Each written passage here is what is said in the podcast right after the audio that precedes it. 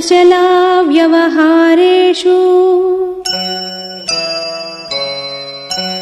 सौहृदेषु परीक्षिताः प्राप्तकालं तु ते दण्डम्।